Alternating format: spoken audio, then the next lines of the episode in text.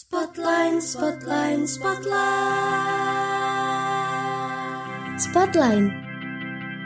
Suara podcast dari Lines. Halo teman-teman, kenalin, nama gue Tiur dan selamat datang di Spotline, suara podcast dari Lines. Jadi, di episode pertama ini, gue bakal ngomongin suatu fenomena yang deket banget nih sama kita, yaitu fenomena kids zaman now. Siapa sih yang gak tahu istilah itu? Berhubung saat ini sedang dilakukannya PSBB alias pembatasan sosial berskala besar, gue udah terhubung melalui sambungan telepon bersama beberapa teman kampus yang bakal nemenin gue buat bincang-bincang, yaitu ada Miftah. Halo. Ada juga Stepi. Hai hai. Dan terakhir ada Reza. Halo Tiur. Halo semuanya, apa kabar nih? Halo, alhamdulillah baik. Puji Tuhan sehat. Alhamdulillah. Jadi sebelum masuk nih, gue mau nanya dulu. Kalian kan ngelakuin PJJ nih di rumah. Nah, kegiatan apa aja sih yang kalian lakukan? Dari Stepi deh. Kalau aku sih di rumah ya mostly karena kita mahasiswa jadi kita jadi aku ngerjain tugas terus uh, bantu-bantu orang tua tapi karena tugas kita banyak banget jadi bantunya jarang lebih banyak di kamar dan ngerjain tugas. Kalau gue sih mungkin lebih kurang sama kayak Stepi.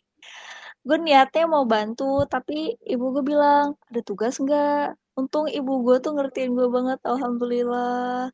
Tapi kadang gue gue nyisain waktu gue buat nonton drakor sih.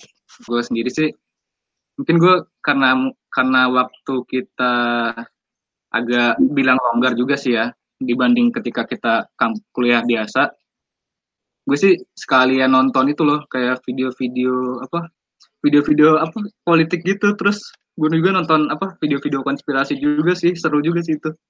Nancy Judge ya? Nancy Judge ya, benar ini salah kalau kalau Tio sendiri gimana?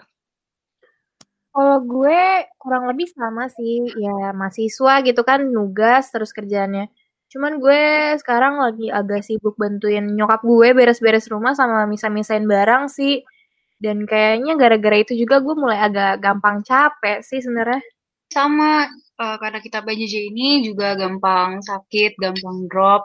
Tapi kalau aku dibantu sama vitamin C karena kita butuh banget vitamin C guys. Dan aku cocoknya minum Enervon C. Fungsinya apa tuh? Jadi Enervon C ini membantu daya tahan tubuh kita dan juga menangkal radikal bebas. Jadi di masa pandemi gini kita butuh banget minum vitamin C untuk tetap sehat dan tetap ngejalanin aktivitas kita dalam rumah. Oh berarti cocok dong buat gue. Soalnya tuh gue kan abis main HP, terus lama kan main HP, terus tiba-tiba berdiri, eh kunang-kunang dong. Tapi uh, Enervon C itu cocok buat semua umur sih. Wah, besok gue cobain deh. Iya bener. Oke, okay, jadi kan tema kita hari ini tuh kids zaman now. Nah, menurut kalian sendiri satu kata nih yang menggambarkan tentang kids zaman now. Dari Miftah deh. Kids zaman now. Beda banget. Soalnya gini, kayak bandingin kita umur 13 tahun, kita masih main pak umpet. Dah sekarang umur 13 tahun itu udah bisa pacaran, udah bisa main-main ke mana-mana gitu loh. Iya kan? Udah, udah, Dan udah Instagram, udah jadi selebgram, sedangkan udah bisa bikin konten gitu loh. Nah, nah bener Nah. banget. Gue waktu zaman gue waktu zaman 13 tahun tuh hidup gue tuh paling cuma nonton anime atau nonton kartun. Kagak kagak kagak pernah kepikiran di diri gue oh gue pengen bikin konten nih. Gue pengen jadi youtuber. Itu tuh pengen jadi youtuber atau pengen jadi selebgram tuh hal-hal yang baru berkembang zaman zaman ini. Dulu tuh mana pernah kepikiran kayak gitu? Iya, yang paling kelihatan banget tuh oh, masalah teknologi nih. Dari HP aja. Dulu kita waktu umur umur eh, SM, SMP tuh bisa ja, bisa dibilang jarang bisa megang HP kan. Paling itu punya HP sendiri aja itu udah jarang gitu loh. Nah, sekarang mereka SD jangan kan SD ponakan gue yang umurnya masih 10 tahun, masih tujuh tahun, itu dia udah punya HP sendiri. Iya, ponakan gue yang masih ponak ponakan gue, so sepupu gue yang masih kelas 5 SD itu handphonenya lebih bagus dari iPhone gue. Kayak lu bayangin gak sih betapa betapa kontrasnya zaman kita dulu sama zaman mereka. Oh, kalau gue sih satu kata yang cocok menggambarkan mereka itu ajaib sih. Soalnya kayak mereka tuh bisa memikirkan apa yang gak kita pikirin gitu loh. Kita lihat aja di di sosial media aja ya yang yang dekat sama kita. Itu kan banyak banget tuh tampilan-tampilan apa anak-anak yang share sesuatu yang misalnya kita sendiri nggak kepikiran tapi mereka kepikiran gitu loh. Mak- Makanya menurut gue ajaib sih mereka tuh. Ya, ya, ya. Bisa dibilang kayak gitu sih.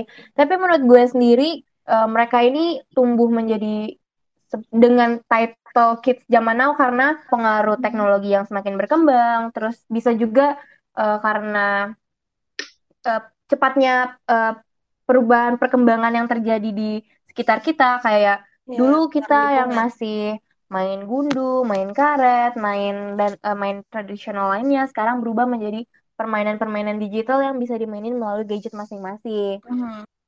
Nah, eh, gimana sih menurut kalian pengaruh media sosial, perkembangan teknologi dan lain-lainnya ke per- eh, pembentukan kids zaman now gini?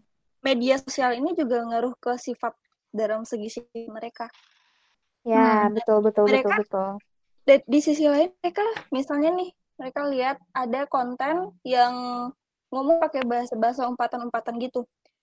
Nah, mereka jadi ikutan kayak gitu. Oh, mereka mereka merasa, oh keren nih, keren nih kalau misalnya pakai bahasa-bahasa umpatan kayak gini. Oh, kayak gini ya bahasa sekarang. Nggak bisa bedain yang mana sepantasnya. Cara mereka ngomong Iya, ke orang betul. tua, cara mereka ngomong ke temen, mereka jadi susah ngebedainnya. Benar, Jadi benar. nggak bisa Benar, bedain mana gimana cara ngomong sama teman, gimana cara ngomong sama yang lebih tua, Benar. gimana cara ngomong sama orang tua. Hmm. Jadi eh, apa ya namanya eh mannernya mereka tuh jadi campur aduk gitu. Eh, benar-benar. Iya. Mau nambahin sih dikit soal apa? Yang sosial media itu. Iya. Jadi kan kita tahu kan kalau misalnya sosial media itu kan merupakan dunia yang bebas gitu kan ya. Betul banget. Semua semua orang bisa akses lah dan banyak banget tuh konten-konten bermacam-macam konten ada di sana. Nah, tapi dalam pembentukan kids zaman now ini sendiri kan kalau misalnya kita lihat ke psikologis anak-anak nih, mereka kan dalam usia-usia sekarang tuh apa lagi sering-seringnya meniru gitu loh. Hmm. Nah, ketika mereka melihat konten-konten yang istilahnya aneh di media sosial, secara otomatis mereka meniru dong. Iya, betul banget. Oleh sebab itu kita lihat banyak banget tuh apa di media sosial ini apa anak-anak yang ngomong kasar, terus Benar. istilahnya apa ya bertingkah yang aneh-aneh gitu, misalnya TikTok TikTokan gitu.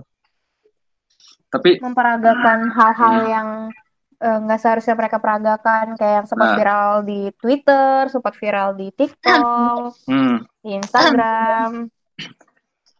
Nah, terus kan karena me- media sosial kan itu yang bebas ya. Terus kan kita sebagai kita kan juga sebagai pengguna media sosial nih, anak-anak seumuran kita yang kuliahan gitu. Hmm. Ya. Nah, kalau kalau gue sih ngelihatnya secara nggak langsung kita tuh semacam ngebentuk mereka gitu sih kalau menurut gue. Soalnya apa ya? Ketika kita upload konten di media sosial kan itu kan banyak orang yang ngeliat tuh, termasuk yang seusia mereka juga. Oh iya. Iya. Itu kan jadi Ya. ya. Termasuk perilaku kita ketika membuat konten juga tuh. Misalnya kan, misalnya nih, adik, misalnya kita punya adik. Terus adik kita misalnya ini disetelin lagu lagu lagu-lagu dangdut gitu. Terus kan biasanya anak-anak kan belum tahu kan ya yang penting asik aja terus joget-joget kan. Terus kan kita cenderung ngerekam tuh. Habis ngerekam terus kita sebarin deh ke media sosial tanpa ada filter. Akhirnya mungkin orang-orang lain juga kan merasa itu tuh lucu. Jadinya Iya. disebarin lah ke yang lainnya. Terus kayak gitu aja terus apa jadi efek bola salju gitu loh. Makin lama makin gede.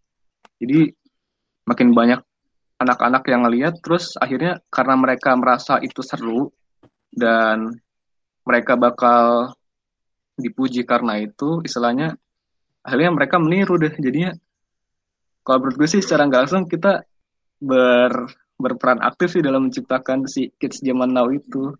Sebenarnya untuk beberapa kasus, iya, gue harus akuin um, hal itu pernah kejadian. Kayak misalkan ponakan kita ngelakuin hal yang lucu terus kita nggak sengaja kita sebarin dan nggak sengaja viral itu mungkin salah kita. Tapi di sisi lain itu juga harus jadi kesadaran kita masing-masing sih kalau masalah gitu. Nah, itu dia kesadaran kita apa? Ya maksudnya kita harus kita yang harus lebih aware. Kalau misalkan anak-anak kecil kan belum belum paham ya yang namanya viral dan konsekuensi viral itu kayak gimana itu menurut hmm. gue itu ini kita lebih step up dan ngasih awareness ke orang-orang masuk adik-adik kita juga Nah, itu dia perlunya uh, peran kita sebagai kakak dan peran orang tua uh, sebagai pengawas untuk anak-anak kids zaman now nih. Nih kan kita mahasiswa penyi penyiaran multimedia dong. Kita iya. kerjaannya di bidang ya di bidang entertain bisa dibilang, di bidang karya seni lah ya. Dan kita juga berkecimpung di media sosial yang berkemungkinan besar bikin bikin bikin konten yang kemungkinan bisa ditiru sama anak kecil. Nah, nah menurut ya. sendiri kayak gimana? Kalau menurut gue, kita mungkin bisa jadi contohnya gitu loh.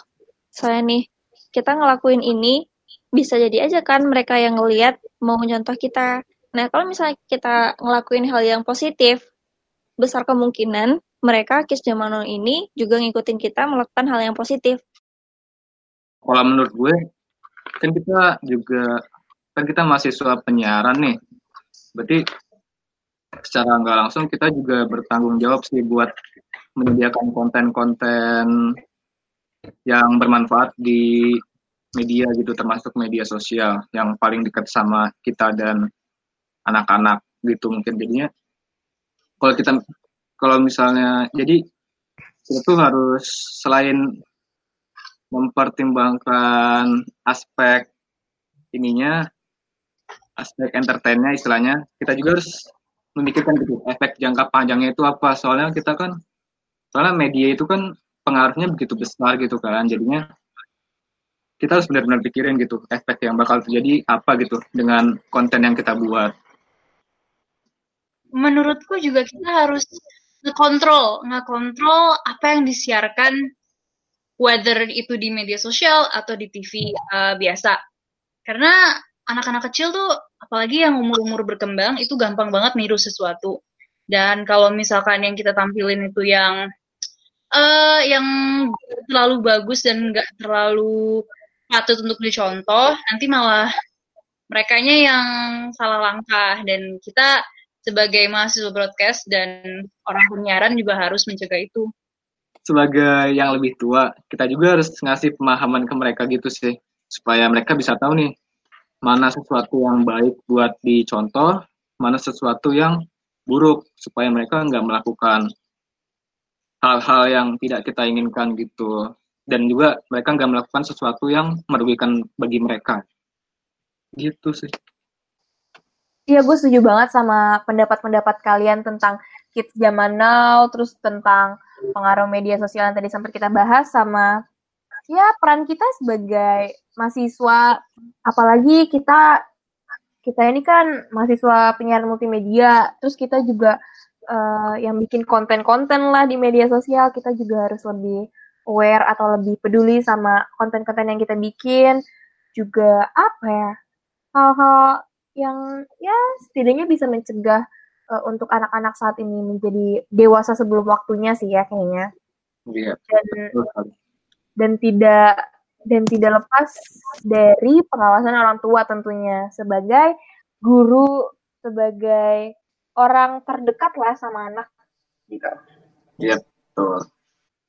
Oke, okay, jadi hasil diskusi kita hari ini adalah sebenarnya kids zaman now itu nggak bisa dibilang generasi gagal karena mereka belum sepenuhnya apa ya belum sepenuhnya gagal gitu loh. Mereka hanya membutuhkan penjagaan yang lebih ketat daripada kita sebagai uh, orang yang lebih dewasa dan di bidangnya dan juga butuh peran orang tua yang lebih mengawasi. Nah, gue pengen ngucapin terima kasih yang sangat-sangat banyak buat Nista, Stepi, juga Reza karena udah mau nyempetin waktu buat bincang-bincang pada hari ini gitu kan. Iya, terima kasih juga Tiur. Makasih Tiur. Beruntuk teman-teman, jangan lupa untuk terus dengerin Spotlight karena bakal ada hal menarik di setiap episodenya. Jangan lupa untuk jaga kesehatan dan minum vitamin jika diperlukan. Sampai jumpa di episode Spotlight berikutnya. See you!